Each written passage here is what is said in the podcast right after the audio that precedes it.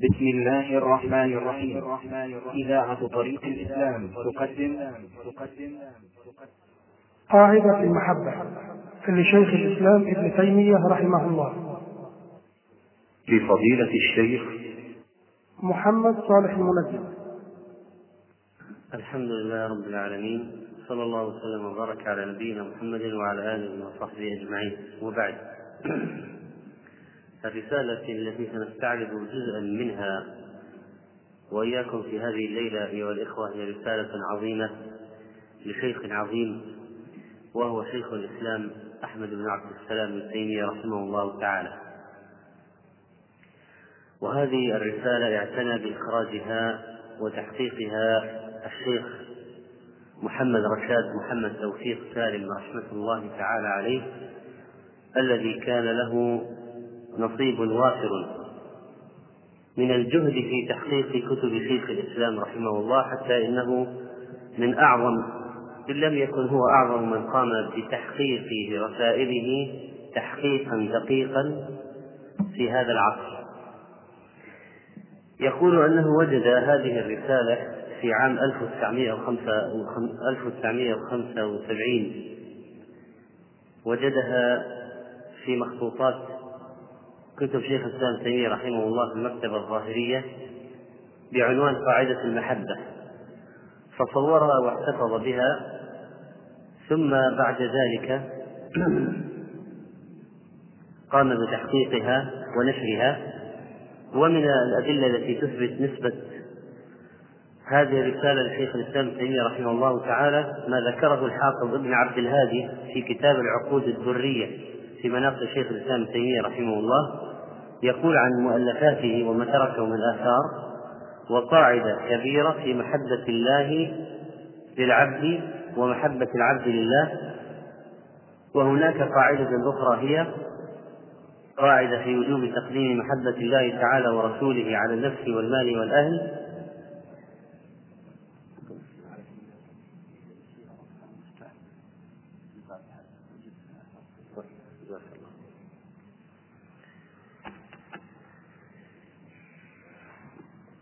وله ابن تيمية رحمه الله تعالى قاعدة بعنوان أمراض القلوب وشفاؤها وهذه أيضا غير رسالة التحفة العراقية في الأعمال القلبية. هذه من مؤلفات شيخ الإسلام رحمه الله. الشاهد أن هذه القاعدة قاعدة المحبة من الرسائل العظيمة التي ألفها رحمه الله. مطلعها بسم الله الرحمن الرحيم على الله توكلي الحمد لله نحمده ونستعينه ونستهديه ونستغفره ونعوذ بالله من شرور انفسنا ومن سيئات اعمالنا من يهدي الله فلا مضل له ومن يضلل فلا هادي له ونشهد ان لا اله الا الله وحده لا شريك له ونشهد ان محمدا عبده ورسوله وحبيبه وخليله صلى الله عليه وعلى اله وصحبه وسلم تسليما أما بعد فهذه قاعدة عظيمة في المحبة وما يتعلق بها من جمع الإمام العلامة شيخ الإسلام بقية السلف الكرام أبي العباس أحمد بن الشيخ شهاب الدين عبد الحليم ابن الشيخ مجد الدين أبي البركات عبد السلام ابن تيمية رضي الله عنه وأرضاه. قال رضي الله عنه فصل في الحب والبغض. والناسخ في هذه الرسالة يظهر الذي نسخها منسوخ هذه المخطوطة قد كان في القرن التاسع بحسب ما يظهر على المخطوطة. قال رضي الله عنه فصل في الحب والبغض والمحمود من ذلك والمذموم. القاعدة هذه اشتملت على قواعد تفصيلية المحبة. من المهم تدوين هذه القواعد واستيعابها. أول قاعدة ابتدأ بها رسالته قال أصل كل فعل وحركة في العالم من الحب والإرادة. أول قاعدة أصل كل فعل كل فعل وحركة في العالم في العالم من الحب والإرادة. فهي أصل كل فعل ومبدأه. حتى إن الإنسان يتعاطى بعض المكروهات لأجل المحبة. فمثلا يشرب الدواء المر لأجل أي شيء. ما علاقة شرب الدواء المر بالمحبة؟ محبة الصحة والعافية. وكذلك المؤمن يحب رحمة الله ونجاته فيترك الهوى وترك الهوى شيء ثقيل على النفس لكن لأجل النجاة ومحبة الجنة ولمن خاف مقام ربه جنتان وأما من خاف مقام ربه ونهى النفس عن الهوى فإن الجنة هي المأوى. فلا يترك الحي ما يحبه ويهواه إلا لما يحبه ويهواه. ما يمكن أن يترك شيء يحبه إلا لشيء آخر يحبه. لكن هذا الثاني أعظم وأكبر. ولذلك ما ترك المحبوب الأول إلا لأن إلا لأجل محبوب أعظم منه. فيترك أضعفهما لمحبة أقواهما. فإذا هذه قاعدة أخرى. يترك الإنسان المحبة الأضعف لأجل المحبة الأقوى ورأس الإيمان الحب في الله والبغض في الله وكان من أحب لله وأبغض لله وأعطى لله ومنع لله مستكملا للإيمان. فإذا بعد بيان أن المحبة والإرادة كل حركة أصل كل حركة في العالم فإنه لا بد أن يعلم أن المحبة تنقسم إلى قسمين محبة محمودة ومحبة مذمومة وهنا قاعدة.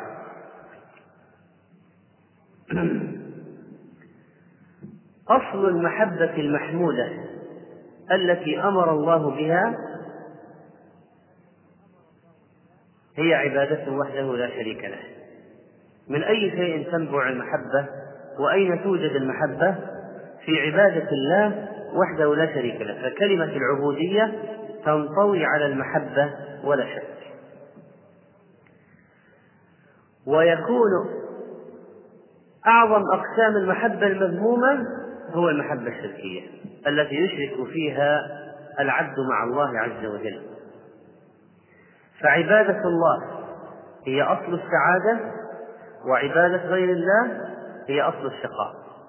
لأن عبادة الله تنتج محبة الله التي تشيع السعادة في النفس وعبادة غير الله تنتج حب غير الله الذي يؤدي إلى الشقاء وتعاسة النفس فأهل التوحيد الذين أحبوا الله وعبدوه وحده لا شريك له لا يبقى منهم في العذاب أحد. لا يبقى منهم في العذاب أحد. في النهاية حتى لو كان عندهم معاصي وحتى لو عذبوا في الآخرة لا يبقوا في العذاب ولا بد أن يخرجوا. والذين اتخذوا من دون الله أندادا يحبونهم كحب الله وعبدوا غير الله وهم أهل الشرك لا يخرج منهم من العذاب أحد. وكل ما في القرآن هو الأمر بمحبة الله ولوازمها والنهي عن ضدها وضرب الأمثال للنوعين وقصص أهل النوعين. ما يمكن يخرج ما في القرآن عن هذا. لو قلت القرآن يدور على أي شيء نقول يدور على يدور على محبة الله ولوازمها وضدها وأهل الفريقين. أهل حب الله وحب غير الله. وضرب الأمثال لهما وقصصهما. هذه هذا هو القرآن. هذا تأمل. تأمل مدخل في ربط العبودية والمحبة بما في القرآن العظيم. طيب هل هناك شيء يحب من وجه ويبغض ولا يحب من وجه وشيء يحب من كل الوجوه؟ الجواب نعم. الشيء الذي يحب لذاته ويحب من كل الوجوه هو شيء واحد وهو الله عز وجل. الذي يحب لذاته ويحب من كل وجه. هو الله عز وجل. هذه قاعدة. الشيء الذي يحب لذاته ويحب من كل الوجوه هو الله عز وجل. فتحب لقضائه وقدره وصفاته وأفعاله تحبه لكل شيء ونعمه عليك وخلقه. فيحب من كل وجه سبحانه. أنت قد تحب شخصا لوجه وتبغضه من وجه. تحب عملا من اعماله وتبغض عملا من اعماله تحب فيه خلقا تكره فيه آخر. لكن الذي يحب من جميع الوجوه هو الله عز وجل. والذي يحب لذاته محبة صحيحة هو الله عز وجل. وكل الأشياء الأخرى التي محبتها صحيحة ليست محبتها لذاتها وإنما محبتها لغيرها ولما توصل إليه. وأما الشيء الوحيد الذي يحب لذاته فهو الله سبحانه وتعالى. والمؤمن يعبد الله سبحانه وتعالى والكافر يعبد غير الله عز وجل فالمؤمن يخضع لله ويحبه ويخلع الأنداد ولا يحبها والمشرك يحب غير الله ومن الناس من يعبد من يتخذ من دون الله أندادا يحبونهم كحب الله. ولما ولما آمن الخليل كفر بكل شيء بكل ما يعبد من دون الله وأبغضه وقال لا أحب الآخرين طيب. يعيد تلخيص ما ما مضى يقول كل متحرك فأصل حركته المحبة والإرادة. ولا صلاح للموجودات إلا أن يكون كمال محبتها وحركتها لله تعالى كما أنه لا وجود لها إلا بخلق الله لها. فإذا لا صلاح لا صلاح للموجودات إلا بأن تحب الله وبكمال محبته تسعد وتستقر الأمور مبعث مبعث الأعمال والحركات مبعثها ما هو؟ شيء داخلي المحبة والإرادة والإرادة ما هي؟ النية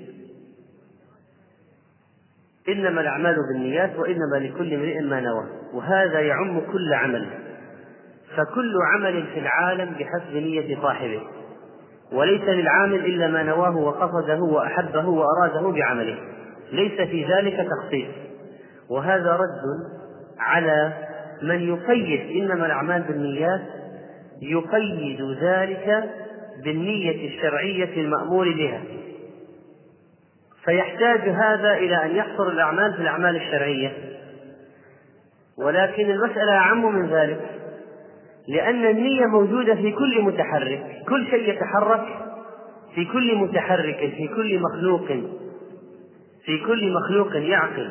فيه نية المخاليق التي تتحرك تنبعث من أي شيء من نياتها إراداتها ومن محبتها. وقد قال النبي صلى الله عليه وسلم أصدق الأسماء الحارث وهمام. فالحارث هو العامل والهمام هو القاصد المريد. وكل إنسان يتحرك بإرادته هو حارث وهمام. ولذلك كان أصدق الأسماء همام والحارث. والمحبة والإرادة هذه التي هي مبعث كل الحركات في العالم. تنقسم إلى شيء محبوب لله وغير محبوب لله. كذلك الأعمال والحركات شيء محبوب لله وشيء غير محبوب لله. وإذا كان ذلك كذلك فالمحبة لها آثار وتوابع سواء كانت محبة صالحة محمودة أو كانت غير محمودة. لها آثار وتوابع فمثلا لها حلاوة ولها أحزان. والحي الحي العاقل لا يختار أن يحب ما يضره. وإذا فعل فإنما يكون ذلك عن جهل أو هوى لأن النفس تهوى قد تهوى ما يضرها بل كثيرا ما تهوى ما يضرها النفس. وهذا من ظلم النفس للنفس. وقد تكون جاهلة فتهوى شيئا وتحبه وليس من مصلحتها بل فيه مضرة عليها وقد يكون الإنسان يعمل يعمل شيئا نتيجة لاعتقاد فاسد من شبهة أو شهوة. علما أن الشهوة بحد ذاتها ليست مذمومة فإن من الشهوات ما هو محمود ومنها ما هو مباح. فمثلا القريب الذي يحب لقاء قريبه ويشتهي ذلك ويهواه. هذه المحبة في نفسه موافقة لما يريده الله وهذا شيء محمود لأن أصل صلة الرحم التي هي شجنة من الرحمن من من اسمه سبحانه وتعالى الرحم من الرحمة والرحمن. فهذا هذه الرحم التي خلقها الله سبحانه وتعالى وسماها باسم مشتق من اسمه وصفة وسماها بشيء مشتق من صفته وهي صفة الرحمة سبحانه وتعالى لله سبحانه وتعالى فالله يحبها فإذا الإنسان تابع هواه ومحبته في لقاء قريبه فماذا يكون؟ موافق لمحبة الله أم لا؟ الجواب نعم. لكن هذه حتى محبة الأقرباء إذا ما ضبطت بضوابط الشرع ممكن تنقلب إلى محبة ضارة يبغضها الله. مثل من أحب بعض أولاده أكثر من بعض فنتج عن ذلك أنه لم يساوي بينهم في الأعطيات فجار بين الأولاد. وكذلك من من دفعه محبته لأقربائه إلى محاباتهم على حساب أصحاب الحق. فأنت تسمع بعض العامة يقولون مثلا أنا وأخي على ابن عمي وأنا وابن عمي على الغريب. هذه قاعدة عندهم أنا وأخي على ابن عمي وأنا وابن عمي على الغريب. فعنده يقول أنا مع الأقرب أسانده وأناصره وأعاضده ولو جار ولو ظلم أدخل معه في هيشاته وأناصره على الغريب ولو كان الغريب محقا. فإذا قد تكون بعض الأشياء التي أصلها محمود مثل الرحم والاعتناء بالرحم إذا ما ضبطت بضوابط الشرع تؤدي إلى الجواب. ولذلك قال الله تعالى وإذا قلتم فاعدلوا ولو كان ذا قربى وكذلك الذي يحب الطعام والشراب والنساء طبعا نقصد بالشراب الأشربة المباحة الطعام والشراب والنساء فإن هذا محمود بل لا يصلح حال بني آدم إلا بهذا. ولولا ذلك يعني لو الإنسان ما يأخذ حظه من طعام وشراب ونكاح ما تستقيم النفس ولا تقوم الأنساب ولا توجد الذرية.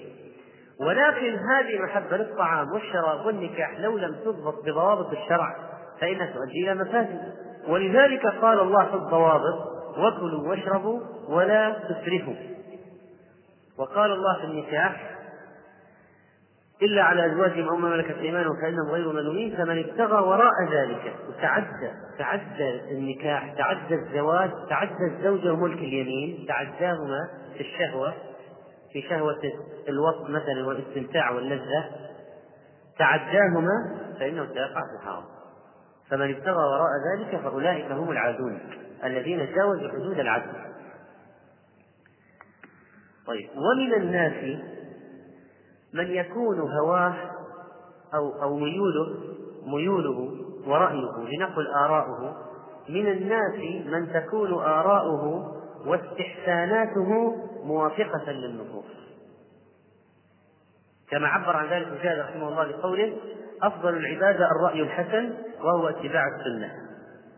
فمن الناس من صلاحهم وقربهم من الله وصلاح فطرتهم أن آراءهم آراءهم موافقة الحق.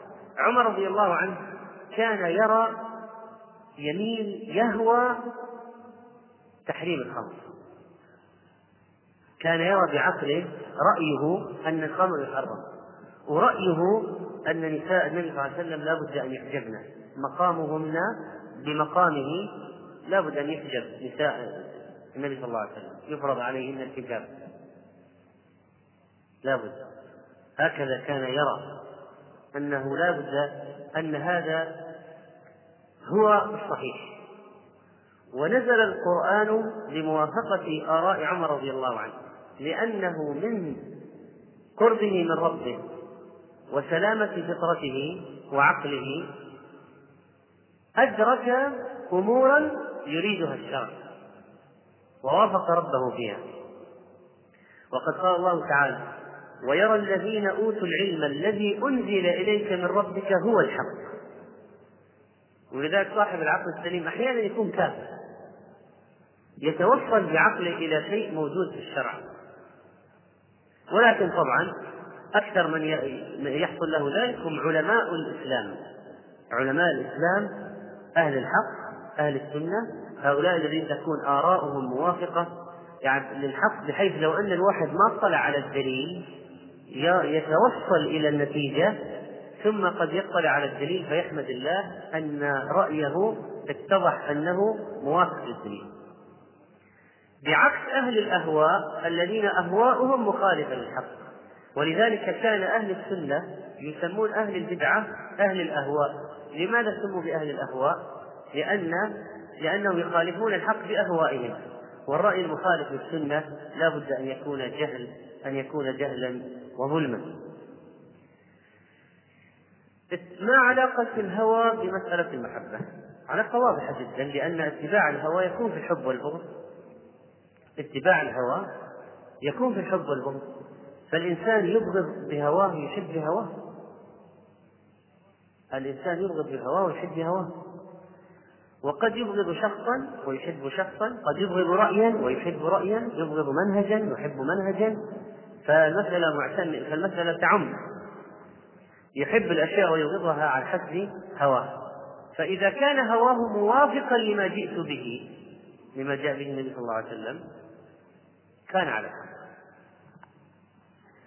ثم أعاد التلخيص ليدخل في مسألة أخرى. فقال رحمه الله ولما كانت كل حركة وعمل في العالم فأصلها المحبة والإرادة وكل محبة وإرادة لا يكون أصلها محبة الله وإرادة وجهه فهي باطلة فاسدة. كان كل عمل لا يراد به وجهه باطلا.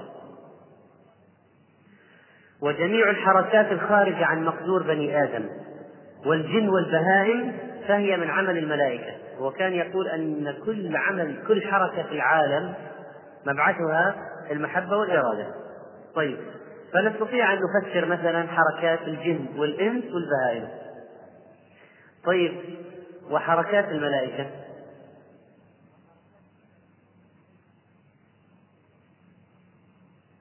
يريدون تنفيذ ما أمرهم الله سبحانه وتعالى به من جعل الرياح تهب والمطر ينزل ونحو ذلك لأنه موكل موكل الملائكة موكلة بالمطر ملائكة موكلة بالسحاب ملائكة موكلة بالريح ملائكة موكلة بالجبال ملك الجبال ملائكة ملائكة موكلة في أمور العالم التي لا علاقة ولا قدرة للجن والإنس والبهائم على التحكم فيها. وهذه الأشياء المخلوقة التي تتحرك إنما تتحرك في العالم خضوعا لله ابتداء من ذرات أجسامنا وانتهاء بذرات الأفلاك والسماوات. حركتها كلها كل الكون يدور حركته خضوعا لله. سبحانه وتعالى. وعبودية له. وقهرا. حتى كفار بني آدم لا يخرجون عن مشيئة الله وتدبيره.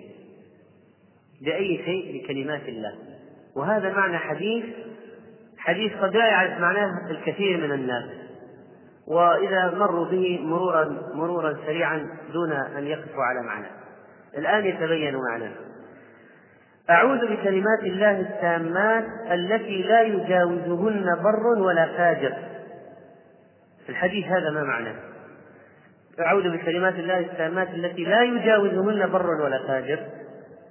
يعني حتى الفجرة والكفرة يخضعون لكلمات الله التامات. ويقهرون ويذلون لأجل ذلك. وهذا من عموم ربوبيته وملكه سبحانه. أن أجساد الكفار وذرات أجسادهم منقادة له سبحانه وتعالى. وكل الحركات التي تسير في أجسامهم بقهر الله وتسخيره وأمره سبحانه وتعالى. ألم ترى أن الله يسجد له من في السماوات ومن في الأرض والشمس والقمر والنجوم والجبال والشجر والدواب وكثير من الناس وكثير حق عليه العذاب. كثير من الناس الذين لا يسجدون لله طوعا منقادين رغما عنهم لله عز وجل.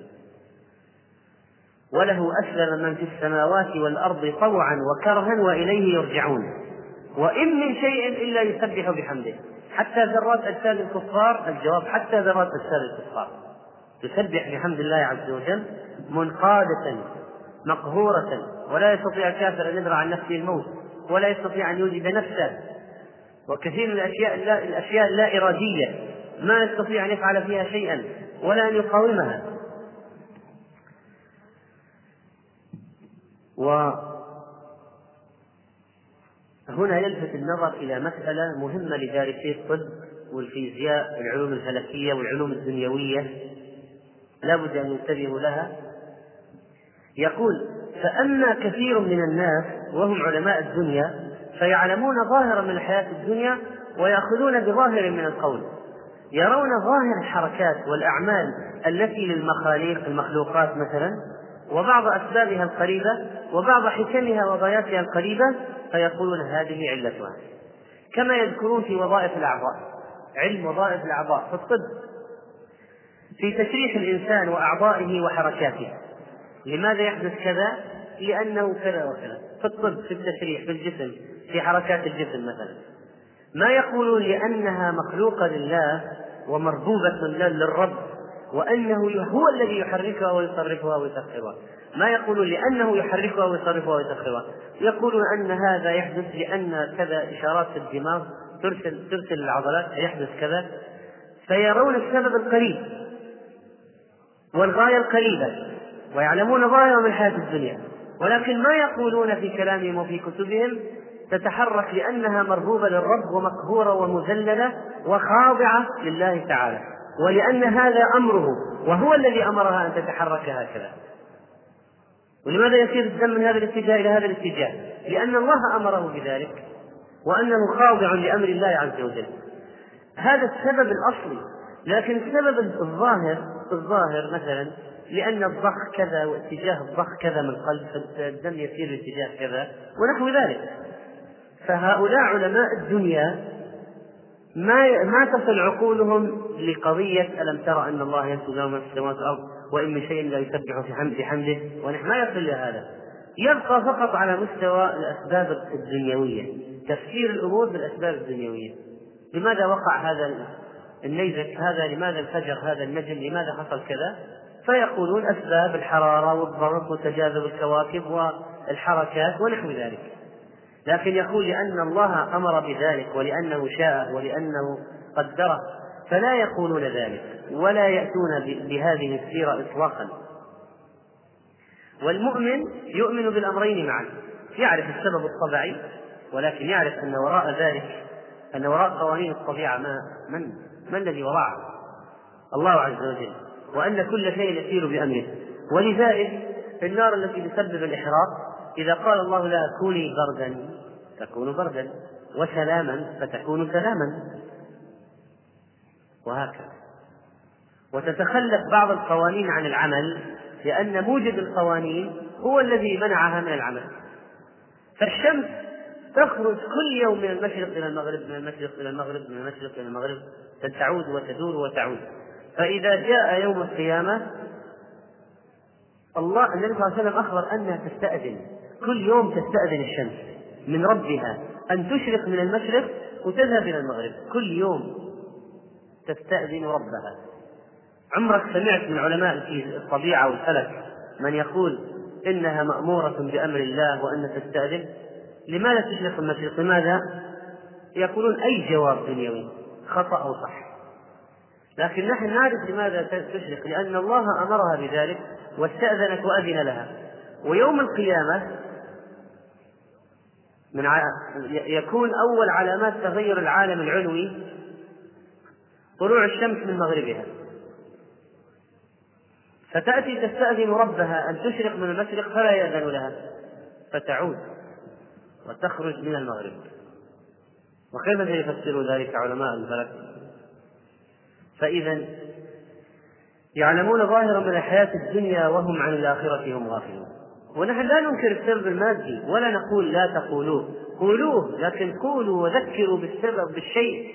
ذكروا بأصله بأصل بالشيء الأصلي. ذكروا به. واربطوه بخالقه ومسببه وموجده وآمره. فيقع الغلط من إضافة هذه الآثار العظيمة إلى مجرد قوة الجسم. ولا يعرف هؤلاء الحكمة وأن ذلك من عبودية الأجسام والكائنات لله عز وجل. من عبوديتها لله تعالى. لماذا يحدث المد والجزر؟ يقول لك سبب متعلق بالقمر والجاذبيات. لكنه لا يذكر إطلاقا بأن من عبودية البحر لله هذه الحركة. وأنه شاء ذلك سبحانه وأنه الآمر به وأن من خضوع البحر له ونحو ذلك. لكن أهل العلم يضيفون جميع الحوادث. شوف سبحان الله الفرق بين العالم حتى لو كان يعلم بالطب والفلك والفيزياء المسلم الذي ينطلق من الدين وبين الكافر الذي ينطلق من الطبيعة فقط. أهل العلم في إضافة جميع الحوادث إلى خلق الله ومشيئته وربوبيته فهؤلاء أصح عقلا من أولئك والذي يدخل في كل الحركات في كل الحركات حتى أفعال الحيوان فهو المفيد والموافق للسنة والعقل. يقول شيخ الإسلام رحمه الله ولهذا تجد هؤلاء إذا تكلموا في الحركات التي بين السماء والأرض مثل حركة الرياح والسحاب والمطر وحدوث وحدوث المطر من الهواء الذي بين السماء والأرض تارة ومن البخار المتصاعد من الأرض تارة وكذلك ما خلق الولد في بطن أمه من المني وكذلك خلق الشجر من الحب والنوى فإنهم يشهدون الأسباب المرئية ويتكلمون عنها ويعرضون عن الخالق المسبب لذلك كله وعما جاء في ذلك من عبادته وتسبيحه والسجود له كل له قانتون الذي هو غاية حكمته. والذي يفعل ذلك الآن طبعا ذكر في ثنايا الكلام استطراد في قضية الرد على الملاحدة الذين يقولون كل شيء من الطبيعة وهذا خلقته الطبيعة وهذا خلقه الطبيعة هذا خلق نفسه والطبيعة خلقت خلقت نفسه والكون خلق نفسه. وأن كل شيء مخلوق من مادته التي هو فيه. كيف مخلوق من مادته له فضرب مثلا بالشخص الذي يكتب بالحبر كلاما. فيأتي واحد يقول من الذي خلق الكلام؟ فيجيب الحبر الذي خلق الكلام. من الذي كتب الكلام؟ الحبر الذي كتب الكلام. لو واحد ما يعرف أن هناك شخص يكتب ولا شيء فرأى حبرا فرأى كلاما مكتوبا بالحبر من الذي كتبه؟ قال الحبر الذي كتبه. يقبل كلامه. ولو ما رأى الكاتب ما يقبل كلامه. فهذه مخلوقاته في أرضه وسماواته وكونه دالة على أنه خالقها سبحانه وتعالى. وفي كل شيء له آية تدل على أنه واحد. وهؤلاء يجعلون هذه الطبيعة هي العلة الفاعلة أو هي الخالقة وهذا طبعا كفر هو أعظم أنواع الكفر. فالمحبة والإرادة أصل كل دين والدين هو الأعمال الباطنة والظاهرة. فالآن سيتكلم رحمه الله على قضية العلاقة بين المحبة والدين. بين المحبة والدين. فهو قال إن كل الحركات في العالم منشأها المحبة والإرادة. وقسمنا المحبة وعرفنا العلاقة بين ما يحبه الله أو ما يحبه الله وما يبغضه الله إلى آخره. المحبة والإرادة أصل كل دين. والدين هو الأعمال هو الدين هو مجموعة الأعمال الظاهرة والباطنة. والدين يفسر أيضا بأنه الطاعة الدائمة اللازمة التي صارت عادة وخلقا. ولذلك فسر ابن عباس رضي الله عنه قوله تعالى وإنك على خلق عظيم قال وإنك على دين عظيم وفي اللغة يقول يقول بعض الشعراء في الدين يستعمله بمعنى العادة ومنه في اللغة الديدن. الديدن مأخوذ من الدين والديدن هو العادة اللازمة. الديدن مأخوذ من دانة مثل صلصلة من صلة كبكبة من كبة. فهذا التشديد المفكوك. صلى صلصلة كبة كبكبة دان ديدنة. و اسم العبادة يتناول غاية الحب بغاية الذل وهكذا الدين الذي يدين به الناس في الباطن والظاهر لا بد فيه من الحب والخضوع. وإذا كان بعض الناس يخضعون لأشخاص ولا يحبونهم كما يخضعون لبعض الظلمة مثلا ظالم يتحكم فيهم ويتولى عليهم فيخضعون له هل يسمون محبين له؟ لا لأن المحبة ليست هي الخضوع فقط ولو جاء واحد وقال أنا أحب فلانا أو أحب هذا الشيء لكن لا أخضع له أعمل على كيف هل يكون محبا له؟ لا هل يكون عابدا له؟ لا فالمحبة إذا تستلزم العبادة والدين العبادة والدين تستلزم محبة وخضوعا. وإذا كان كل عمل صادر عن محبة وإرادة. والعمل يتبع الحب والبغض. وبنو آدم لا غنى لبعضهم عن بعض. ولا بد أن يكونوا اجتماعيين مجتمعين يحتاج بعضهم إلى بعض. فلا بد أن يكون هناك اشتراك في أشياء نتيجة معيشة الناس مع بعض. فلا بد أن يشتركوا في محبة شيء عام وبغض شيء عام وهذا هو الدين المشترك. الدين المشترك الدين المشترك يعني للناس المجتمعين يكون فيه محبة أشياء وبغض أشياء. بغض النظر عن هذا الدين الآن هذا هو ما هو بالضبط. لكن الدين المشترك هو وجود هؤلاء الأحياء مع بعضهم أو هذه المخاليق والناس مجتمعين يحبون شيئا ويبغضون شيئا هذا هو الدين المشترك.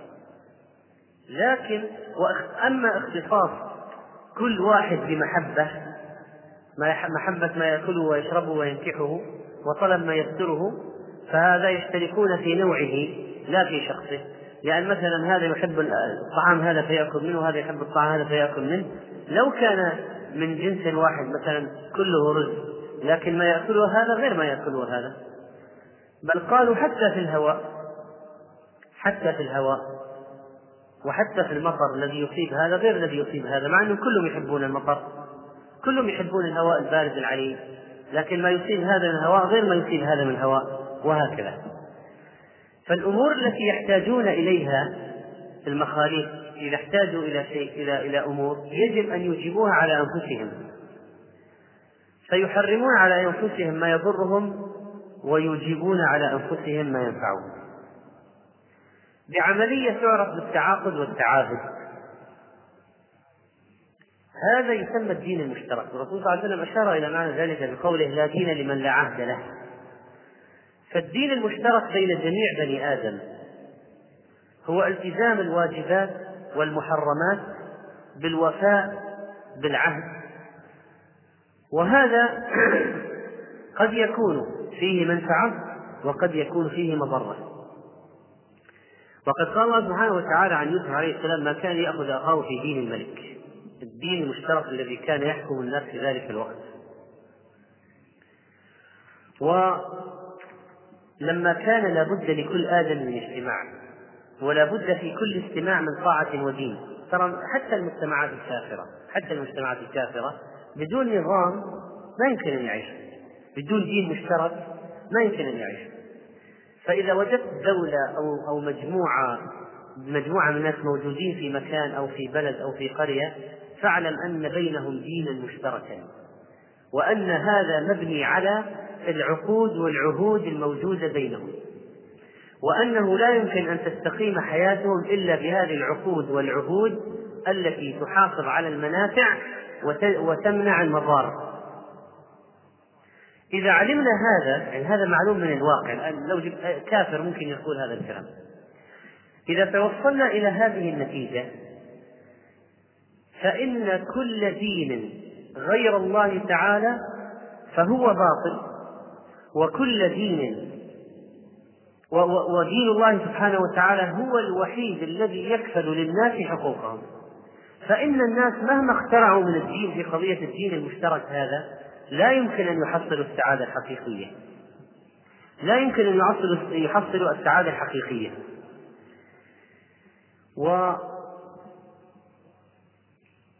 مسألة الدين المشترك هذه هذه بعض الكفرة ماذا قالوا؟ والفلاسفة؟ قالوا نحن الآن الناس لابد أن يعيشوا معا. وإذا كان لابد أن يعيشوا معا فإذا ما يمكن أن تستقيم أمورهم إلا بجلب المنافع ودفع المضار. وهذا لابد أن يكون في عقود عهود فنعمل قوانين نعمل قوانين تضبط هذه الحال. وتكلموا عن أشياء من ذلك كما كتب بعض الفلاسفة المدينة الفاضلة ووصفها ونحو ذلك. والكفار كذلك في عصرنا من خلال التجارب والسماعات والخبرات والرصيد السابق عملوا قوانين. قوانينهم التي تسير بلدانهم فمثلا قالوا لابد من توزيع الثروات والعدل في الرغبات وعدم اعتداء البعض على البعض الآخر فحتى ينضبط المجتمع نجعل قانون. فقالوا نجعل قوانين تنحل المشكلة. الفكرة هذه التي تقوم عليها بالذات المجتمعات الغربية اليوم فكرة ليست جديدة فكرة قديمة. فمثلا حامورابي قد كتب قوانين وسن قوانين وجنكيز خان ونحو ذلك. هؤلاء أتباع الملوك المتفلسفة. هؤلاء قد جعلوا قوانين. بعضها فيه عدل فعلا. إذا ذهبت إلى بلدان تجد في بعضها عدل حقيقة. لكن هل امتنع الشقاء؟ لا. الانتحار والجنون والأمراض العصبية والانهيارات النفسية موجودة. لماذا؟ لأنه بقي شيء واحد ما عملوا في قوانينهم. أصلي وأساسي. طبعا مع أشياء كثيرة لأن قوانين قائمة على هوى لكن في هناك شيء أساسي جدا ما ما عملوه. ألا وهو عبادة الله.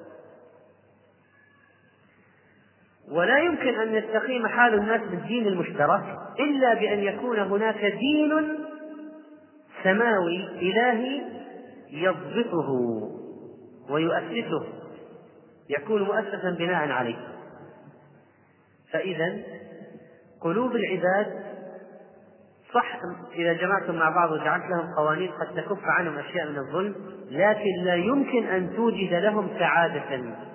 ولا ضبطا للأشياء لأن القوانين قد يلعب عليها وقد تخترق وقد يأتي بمحامي ماهر ويوجد له ويوجد له ثغرة في القانون وأشياء كثيرة كما نجد.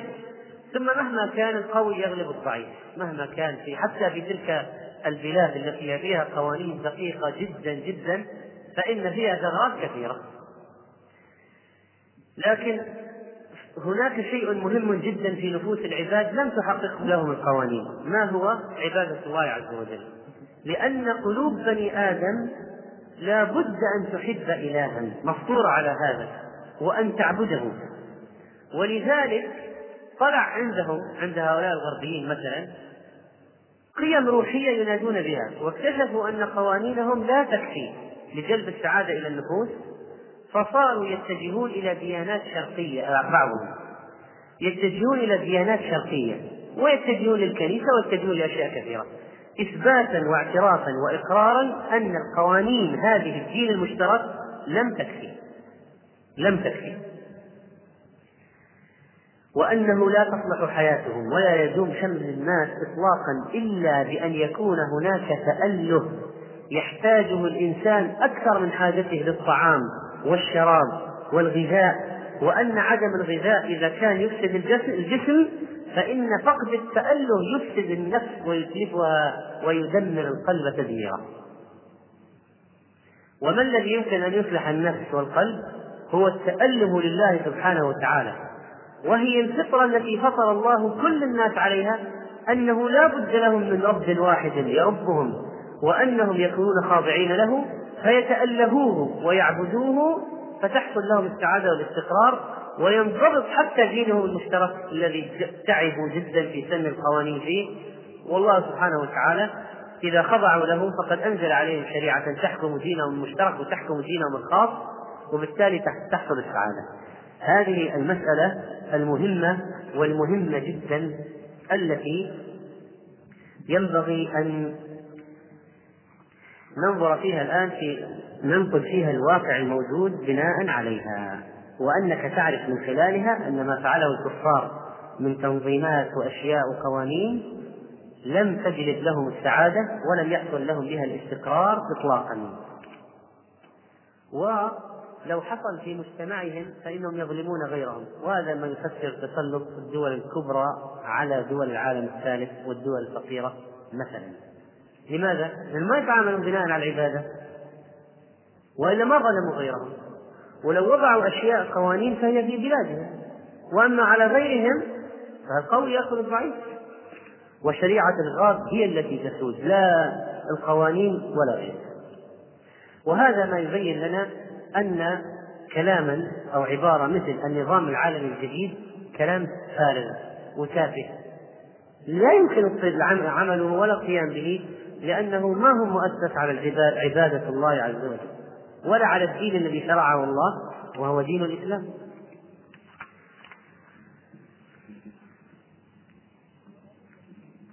ولا بد في كل دين وطاعة ومحبة من شيئين. الدين المحبوب المطاع وهو الشيء المقصود ونفس صورة العمل التي تطاع ويعبد بها وهي السبيل والطريق والشريعة والمنهاج والسبيل.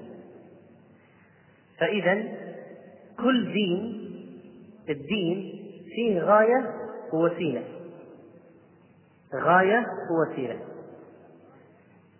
فالغاية هي الشيء المراد. وجه من أردت بالعمل؟ قصدت من بالعمل؟ ثم صورة العمل وهي الوسيلة. صورة العمل التي يعبد بها ويراد بها الوجه. ويقصد بها. السبيل والطريق الشريعة والمنهاج. فهنا لا بد أن يتحقق الأمران. إذا أردت السلام يا عبد الله للنجاح في الجواب على سؤالين عظيمين يوم القيامة عن كل عمل عملته. لما؟ وكيف؟ لما هي قضية الغاية؟ وكيف هي صورة العمل والوسيلة؟ كيف كانت؟ وبناء على أي منهج؟ ومتابعة لأي شريعة؟ وهذا معنى قول الله عز وجل يبلوكم أيكم أحسن عملا. قال الفضيل بن عياض رحمه الله أخلصه وأصوبه. قالوا يا أبا علي ما أخلصه وأصوبه؟ قال إن العمل إذا كان خالصا ولم يكن صوابا لم يقبل وإذا كان صوابا ولم يكن خالصا لم يقبل حتى يكون خالصا صوابا. الخالص لله والصواب موافقة السنة فهكذا يجمع الدين هذين الأمرين المعبود والعبادة. المعبود هو الله وإخلاص القصد لله والعبادة هي اتباع السنة والإتيان بالعمل على الصورة الصحيحة الموافقة للسنة. والأصحاب الأديان قد يقولون لك نحن نعبد الله لكن إذا جئت إلى الوسائل تجد الاختلاف. إذا سلمت أنهم فعلا يعبدون الله سلمنا. يعني إذا مشينا معهم في الكلام.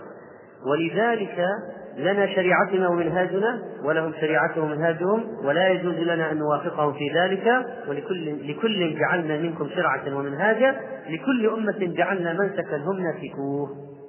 لكل أمة جعلنا منسكا هم ناسكوه. طيب.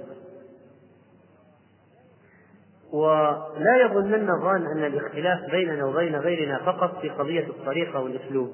لا. حتى في معرفة الله عز وجل.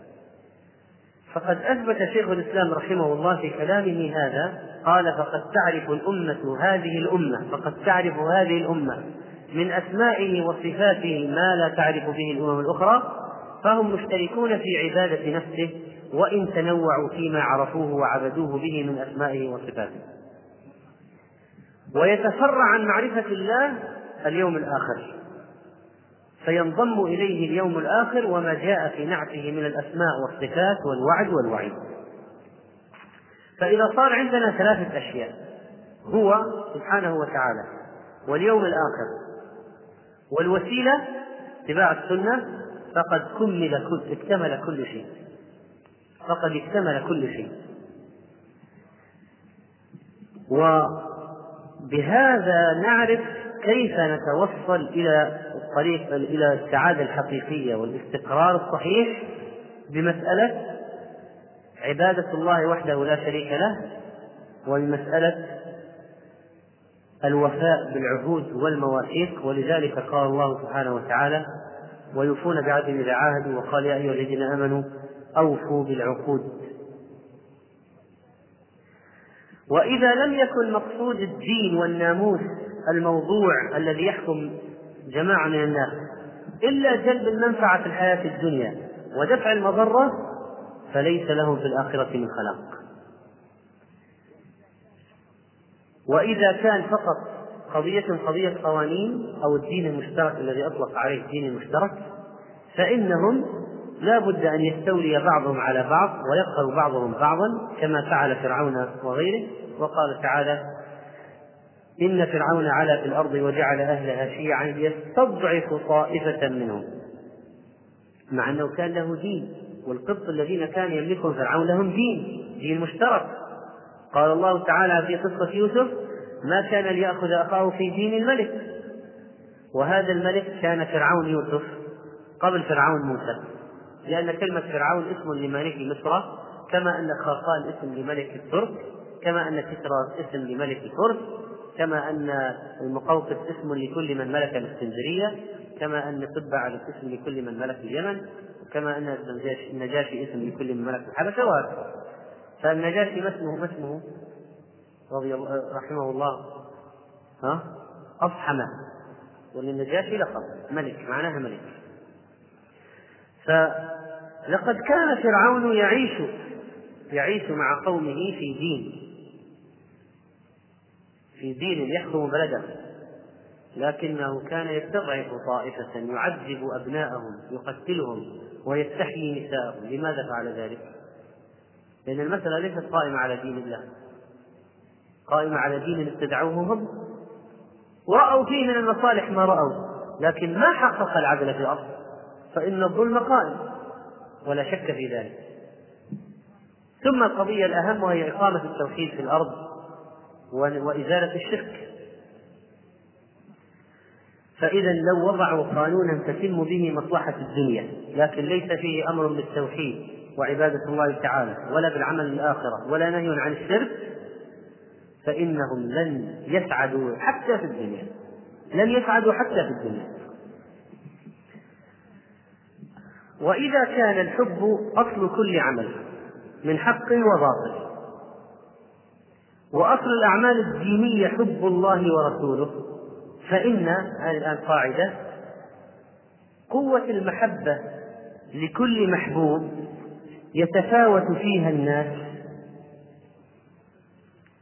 قوة المحبة لكل محبوب يتفاوت فيها الناس في الشيء الواحد. حتى الشخص الواحد تتفاوت محبته. فيقوى حبه تارة ويضعف أخرى. ويكون فلان يحب هذا الشيء أكثر من فلان. فإذا المحبة تتفاوت في الأشخاص وفي الشخص الواحد تتفاوت. والمحبة ينبني عليها أشياء. من اتخاذ المواقف اتخاذ المواقف ويحصل تبدل تنبني عليه محبة جديدة وبغض جديد بناء على ما يحدث الإنسان من التغير ولذلك قال إبراهيم الخليل قد كانت قال الله تعالى عن إبراهيم الخليل قد كانت لكم أسوة حسنة في إبراهيم والذين معه إذ قالوا لقوم أنا براء منكم ومما تعبدون من دون الله كفرنا بكم وبدا بيننا وبينكم العداوة والبغضاء أبدا حتى تؤمنوا بالله وحده. اذا المحبة تنقلب ولا لا تنقلب؟ تنقلب، تتغير أو لا تتغير؟ تتغير، تزيد وتنقص أو لا تزيد وتنقص؟ تزيد وتنقص. ممكن يحل محلها بغضاء؟ نعم، ممكن تنقلب البغضاء إلى محبة؟ نعم. ما مثال ذلك؟ قصة إبراهيم عليه السلام. لما قامت المسألة على التوحيد أبغض قومه، أبغض أباه، أبغض أباه. الحب الطبيعي الذي كان يحب به الابن أباه انقلب الآن صار بغضا له لأنه يكفر بالله. وقال بدا وبين بيننا وبينكم العداوة والبغضاء. وهي عكس المحبة أبدا حتى تؤمنوا بالله وحده. إذا اتخذ موقف جديد في قضية المحبة والبغض صار في موقف. نابع من أي شيء؟ نابع من قضية التوحيد. نفس الذي يحصل للمهتدي. لو أن شخصا هداه الله. هداه الله. هداية قوية. ماذا يحصل له؟ افرض هداه الله في ليلة. أمسى كافرا أصبح مؤمنا. سحرت فرعون اهتدوا بالموقف فجأة.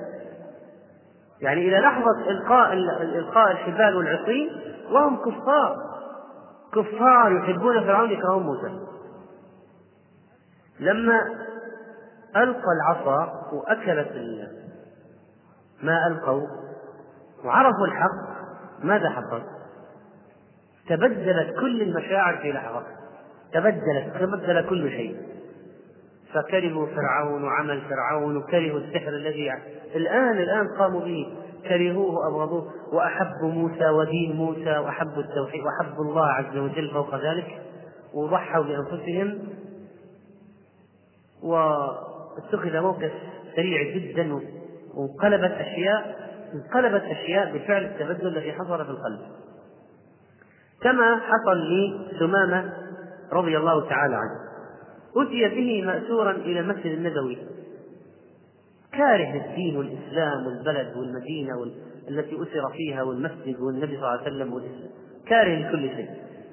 لما ربط وجعل في المسجد ورأى ما رأى من الصلاة واجتماع المسلمين ثم من النبي عليه الصلاة والسلام عليه. وقال أطلقوا ثمامة بدون مقابل. ماذا حصل؟ صار عنده قناعة اقتنع. وجاء موقف المن عليه فهداه الله. كان سببا في هداية الله. هداه الله تعالى. لما هداه الله ماذا قال؟ قال يا محمد ما كان على وجه الأرض من شخص أبغض إلي من شخصك. أو من وجه إلي منك فصار وجهك أحب الوجوه إلي والله ما كان على وجه الأرض من دين أبغض إلي من دينك. فقد صار دينك أحب الدين إلي والله ما كان على وجه الأرض من بلد أبغض إلي من بلدك. فقد صار بلدك أحب البلاد إلي كيف انقلبت المسألة؟ بالهداية انقلبت المواقف. فإذا المحبة هذه تتغير وبناء عليه البغض أيضا يتغير. وكذلك فإنها تزيد وتنقص.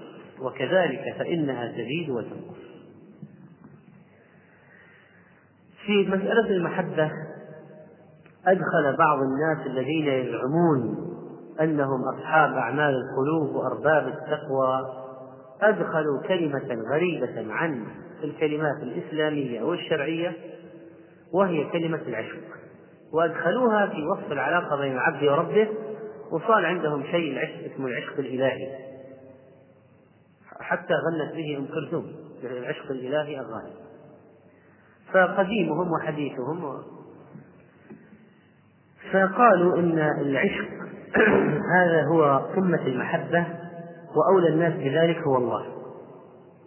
وقالوا عشقني وعشقته وعشقت الله وتكلم قالوا بهذه الألفاظ لماذا؟ قالوا العشق منتهى المحبة وأقصاها ولذلك ف يعني هو لا يليق إلا بالله فنقول لو قلتم إن العشق هو منتهى المحبة وأقصاها فهذا صحيح أنه لا ينبغي إلا لله عز وجل لكن هل ورد لفظ شرعي فيه؟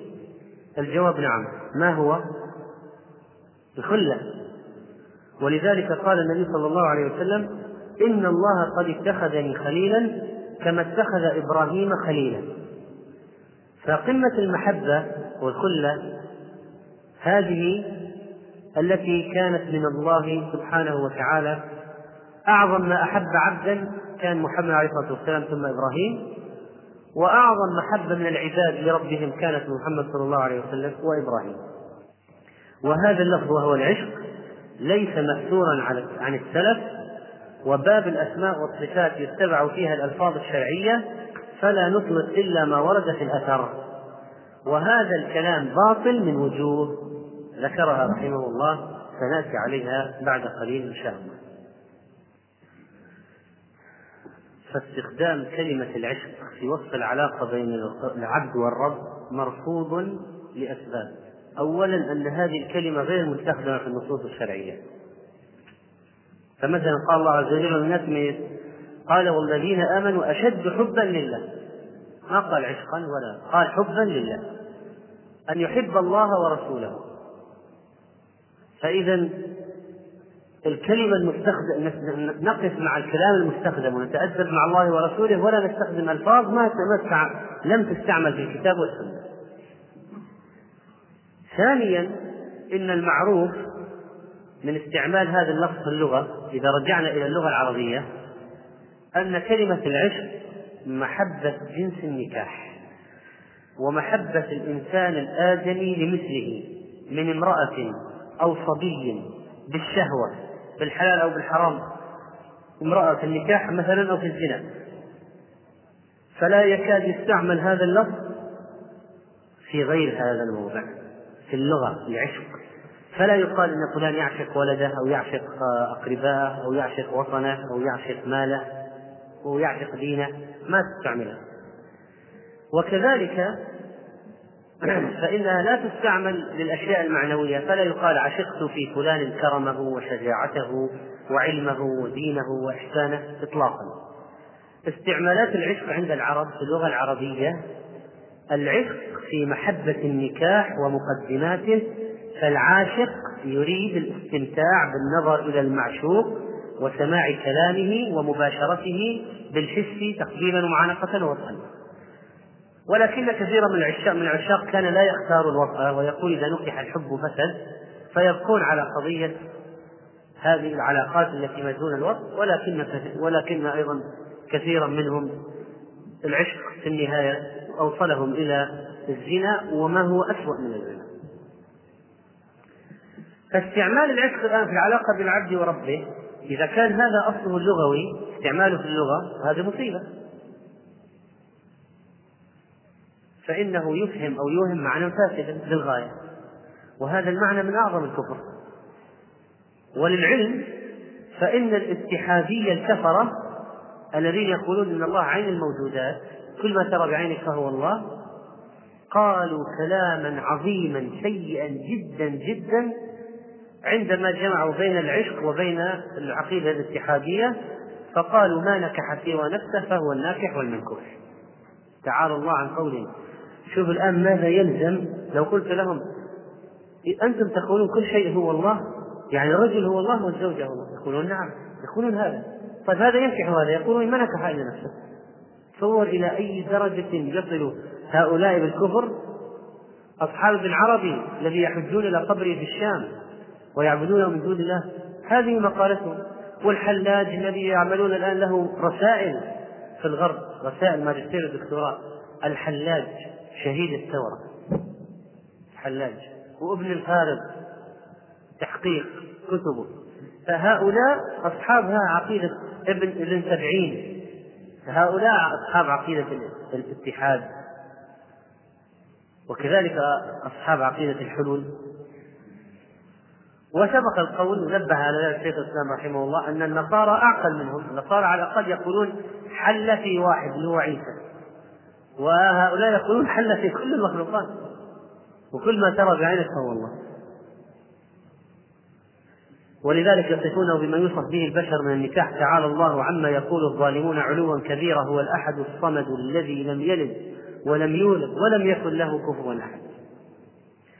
ولذلك كان من الصوفية الاتحادية ومن هؤلاء المنحرفين من يعشق الصور الجميلة ويزعم أن الله قد تجلى فيها.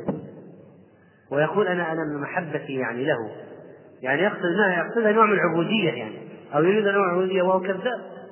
فمن زعم أن الله يحب ويعشق بهذا المعنى فهو أعظم كفرا من اليهود والنصارى.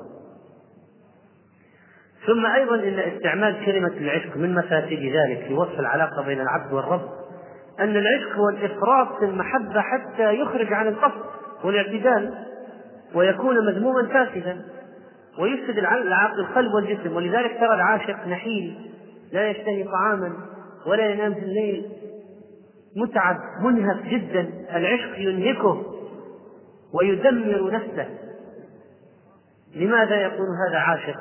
واقع في العشق مسكين واقع في الواقع في العشق. فلا يشتهي طعاما ولا. ولا يهنأ بنوم لأن باله كله مع المعشوق فما عاد يشتهي أي شيء فإذا وقع في وقع في الغلو وصار مفرطا فهل يناسب أن تستعمل هذه الكلمة وهي قضية العشق الدالة على الإفراط ومجاوزة الحد للحد لدرجة أن يضر الإنسان بنفسه أن تستعمل في وصف العلاقة بين العبد والرب؟ ما يمكن فإن الله لا يحب ولا لا يحب محبة زيادة على العدل. ما يمكن. ولذلك هنا في سر عظيم وفائدة بديعة في قضية محبة الله تعالى. ألا وهي؟ أن محبة الله ليس لها حد تنتهي إليه.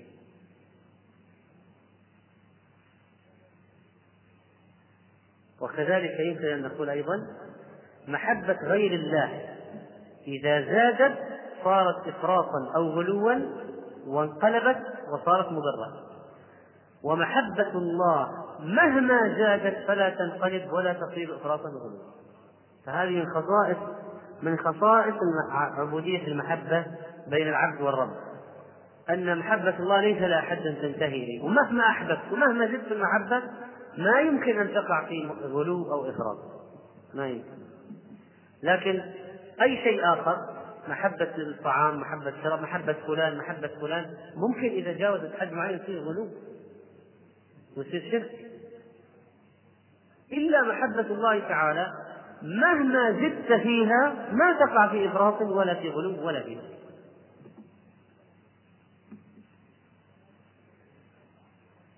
ولا بد أن يحب العبد ربه حتى يكون الرب أحب إليه من غيره. حتى يكون الرب أحب إليه من غيره. والذي نفسي ومحبة النبي صلى الله عليه وسلم طبعا تابعة لمحبة الرب. لماذا تحب النبي صلى الله عليه وسلم؟ لأن الله أمرك بمحبته وجعله رسوله وأنزل عليه كتابه وجعل له الشرف العظيم والمكانة بين الخلق والمقام المحمود يوم القيامة. فقوله صلى الله عليه وسلم والذي نفسي بيده لا يؤمن أحدكم حتى أكون أحب إليه من والده وولده والناس أجمعين.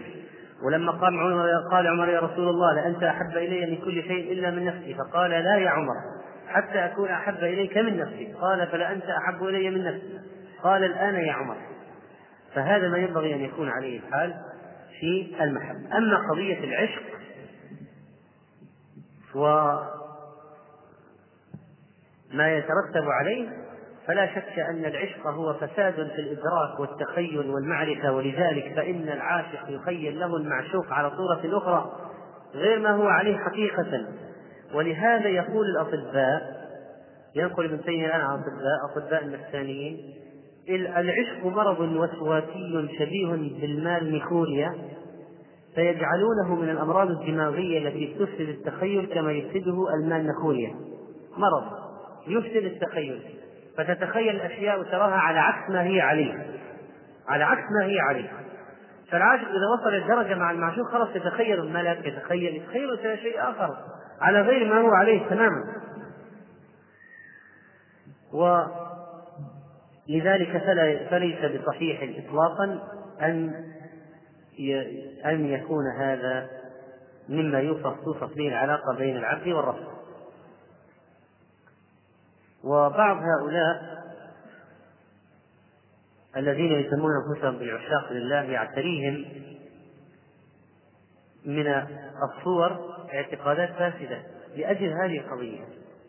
دخولهم في قضية العشق وإدخال العشق في قضية العلاقة فيتصورون أشياء فاسدة. لا يجوز لا تجوز إطلاقا في حق الله تعالى. وكثيرا ما يعتري أهل أهل المحبة من السكر أعظم مما يصيب السكران بالخمر والسكران بالصور كما قال تعالى في قوم لوط إنهم لفي سكرتهم يعمهون. والحب له سكر أعظم من سكر الشراب كما قال الشاعر سكراني سكر هوى وسكر مدامة مدامة هي الخمر. ومتى إفاقة من به سكران؟ فإذا سكراني فإذا السكر قد يكون بالخمر لكن يكون أيضا بالصور ويكون أيضا كما يكون بالخمر يكون أيضا بالسكر بالصور. بل ربما كان السكر بالصور أعظم من السكر بالخمر. لأنه يحدث اضطرابا في العقل والعلم واعتقادات وتخيلات فاسدة. ثم لخص رحمه الله تعالى لخص الانحراف في باب محبة الله. قال فباب محبة الله ضل فيه فريقان. فريق من أهل النظر والكلام والمنتسبين العلم جحدوها وكذبوا بحقيقتها. وقالوا إن الله لا يحب. نفوا صفة المحبة لله. وفريق من أهل التعبد والتصوف والزهد أدخلوا فيها من الاعتقادات والإرادات الفاسدة ما ضاهوا به المشركين. فالأول فالأولون يشبهون المستكبرين والآخرون يشبهون المشركين والأولون أشباه اليهود والثاني أشباه النصارى. وقد قال الله تعالى اهدنا الصراط المستقيم صراط الذين أنعمت عليهم غير المغضوب عليهم ولا الضالين. فالأولون كابروا النصوص. النصوص تقول يحب هم قالوا لا ما يعني. نفوا صفة المحبة والثانيين وافقوا النصارى في قضية الغلو وجعلوا فيها أشياء من الاعتقادات والإرادات الفاسدة. طيب. ثم أشار رحمه الله إلى قاعدة أخرى قال ومن المعلوم أن كل محبة وبغضة يتبعها لذة وألم لأن نيل المحبوب فيه لذة وفراقه فيه ألم ونيل المكروه فيه ألم والعافية من المكروه فيها إيش؟ لذة قضية اللذة هذه من الأشياء التي ينبغي أن يتمعن فيها ولذلك تكلموا عنها كثيرا لأنهم قالوا إنه إن المخاليق كلهم أعمال المخاليق يسعون لأجل أي شيء نيل اللذات قد تكون لذة صحيحة قد تكون لذة سقيمة لذة فاسدة لذة شرعية لذة محرمة. المهم أن الناس سعيهم الآن سعيهم لأجل نيل اللذات عموما. قال شيخ الإسلام رحمه الله واللذات الموجودة في الدنيا ثلاثة أجناس الأولى اللذة الجسدية كالأكل والنكاح واللباس. لماذا سميت لذة جسدية؟ لأن الشخص يباشرها بجسده. النوع الثاني اللذة النفسية أو التخيلية أو التوهمية. لماذا؟ لأن الإنسان يتخيلها في نفسه فإحساسه بها إحساس نفس مثل أن يمدحك غيرك. المدح مثلا لذة نفسية. المدح وكما أن فوات الأكل والشرب يؤلمك وتحصيل الأكل والشرب تلتذ به فكذلك فوات المدح وحصول عكسه من الذم مثلا ومخالفة الناس لك تحدث آه، تحدث أذية أذى. وكذلك فإن موافقة الناس لك ومدحهم لك وثناؤهم عليك يحدث في نفسك لذة. فالإهانة والذم تحدث ألما كما أن فقد الأكل والشرب يحدث ألما ألم الجوع. فالمأكول والمنكوح أجساد تنال بالجسد يعني أشياء محسوسة. يتلذذ بوجودها ويتألم بفقدها. وأما الكرامة فهي في النفوس. فإذا أكرمت حصل عندك لذة وإذا أهنت حصل عندك ألم. بقينا الآن في الجنس الثالث من اللذة وهو لذة القلب والروح. لذة القلب والروح. كالتزامه بذكر الله تعالى. ومعرفته ومعرفة الحق. هذه اللذة العظمى التي لا تضاهيها لذة. هذه اللذة العظمى التي لا تضاهيها لذة. والتي من تذوقها هانت عنده اللذات الأخرى واللذة مطلب عظيم أساسي مهم جدا. الناس لا يمكن أن يعيشوا بدونه بدون لذات والله سبحانه وتعالى قد شرع لنا من اللذات ما فيه صلاحنا في الدنيا. فلذلك أحل لنا الطيبات من الطعام والشراب وأحل لنا النكاح. فله الحمد سبحانه وتعالى. وحياتنا ما تستقيم بدون هذه اللذات وجعل في في الآخرة جعل اللذة التامة والكاملة في الآخرة. وكانت لذات الدنيا منفوسة فالطعام قد يضرك. ممكن تلتزم عند الأكل ثم يحصل لك إمساك أو يحصل لك إسهال وكذلك النكاح إذا أفرطت فيه أو إذا امتنعت عنه. المهم أن لذات الدنيا تسبب لذات الدنيوية ممكن جدا تسبب مشكلات ثم لها حد ونهاية ثم بعد ذلك تعافها. تعافها حتى تتجدد عندك مرة أخرى. أما لذات الآخرة فإنها لذات كاملة كاملة تامة متجددة. تصور الآن لاحظ أن لذة الآخرة ما ما تشبع مثلا ما تشبع ما تأكل فتشبع فخلاص تعاف نفسك طعام الجنة. لا تأكل وتشرب فيخرج رشحا كرائحة له رائحة المسك ثم تأكل وتشرب وتخرج له وهكذا. والنكاح كذلك. النكاح في الدنيا إذا زاد منه أضعف وأنهك وتحللت قوة. أما في الآخرة فليس هناك فتور ولا ضعف ولا ضعف ما ليس هناك تعب منه إطلاقا. ثم بالإضافة إلى ذلك فإن لذات الجنة زائدة متجددة باستمرار. أعددت لعباد الصالحين ما لا عين رأت ولا أذن سمعت ولا خطر على قلب بشر. قال الله تعالى فلا تعلم نفس ما أخفي لهم من قرة أعين. فلا تعلم نفس ما أخفي لهم ما أخفي لهم من قرة أعين. فلذات الجنة متجددة. يأكل ثمرة ثم يأكل ثمرة فيجدها أطيب من قبل. ويأكل ثمرة فيجدها أطيب من التي قبلها. وهكذا. وأهل الجنة يذهبون إلى سوق الجمعة فيرجعون إلى إلى أهاليهم فيقولون ازددتم بعدنا حسنا وجمالا. أهلهم يقول لهم أنتم ازددتم حسنا. أنت ذهبت إلى سوق الجمعة ورجعت. أنا أراك الآن أجمل من قبل. فيقولون وأنتم والله لقد ازددتم بعدنا حسنا وجمالا. فلاحظ الآن لذات الجنة في تطور مستمر. ما في ما في نهاية عظمى وبعد ذلك ينزل. تستمر في التطور. لذات الجنة مستمرة. وأعظم لذة فيها على الإطلاق وهي الذي اللذة التي تنسي جميع اللذات النظر إلى وجه الله عز وجل. فإنهم إذا رأوه شعروا بلذة غامرة عظيمة لا يوجد أعظم منها إطلاقا فينسون لذات الجنة الأخرى بجانب هذه اللذة. وهي تتجدد عليهم ينظرون إلى وجه ربهم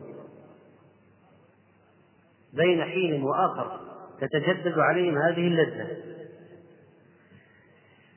فإذا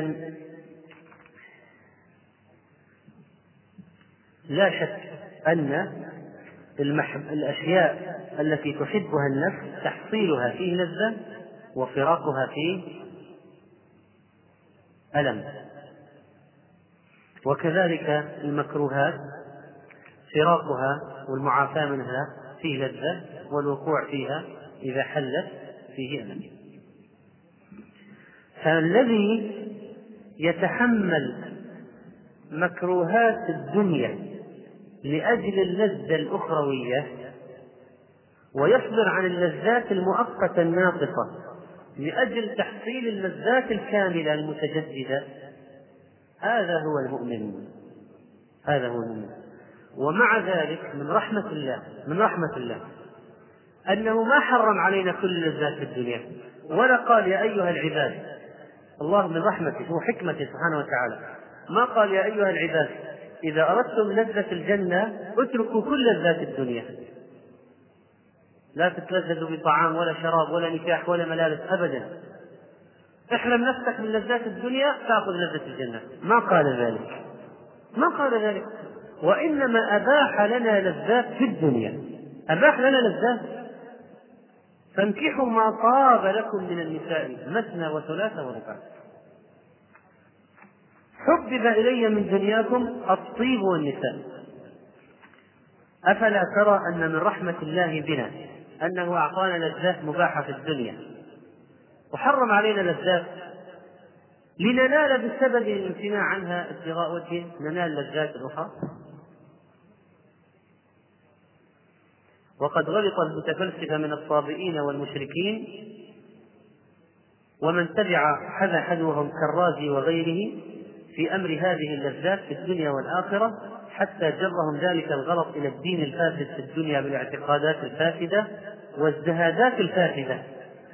فصاروا تاركين لما ينفعهم من لذات الدنيا معرضين عما خلقوا له فالآن بعض الصوفية الذين يتبعون يتبعون رهابنة النصارى يقولون بحرمان من كل لذة لا يتعبدون بترك كل لذة وهذه بدعة.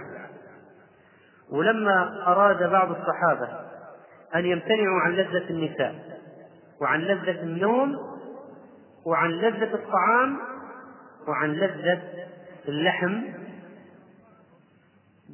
فإن النبي صلى الله عليه وسلم خطأهم وعنف على ذلك بعبارات شديدة من رغب عن سنتي فليس مني.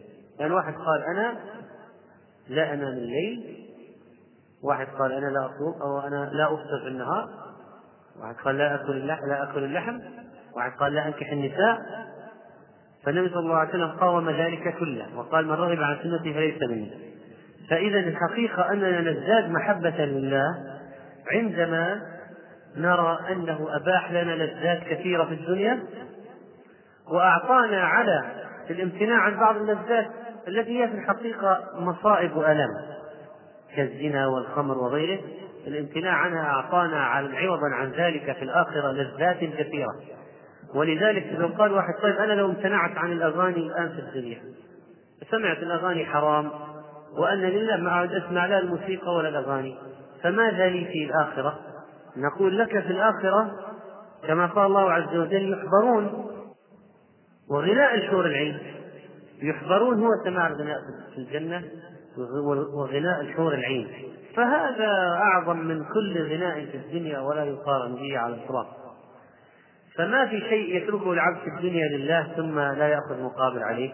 لا بد أن يأخذ مقابلا.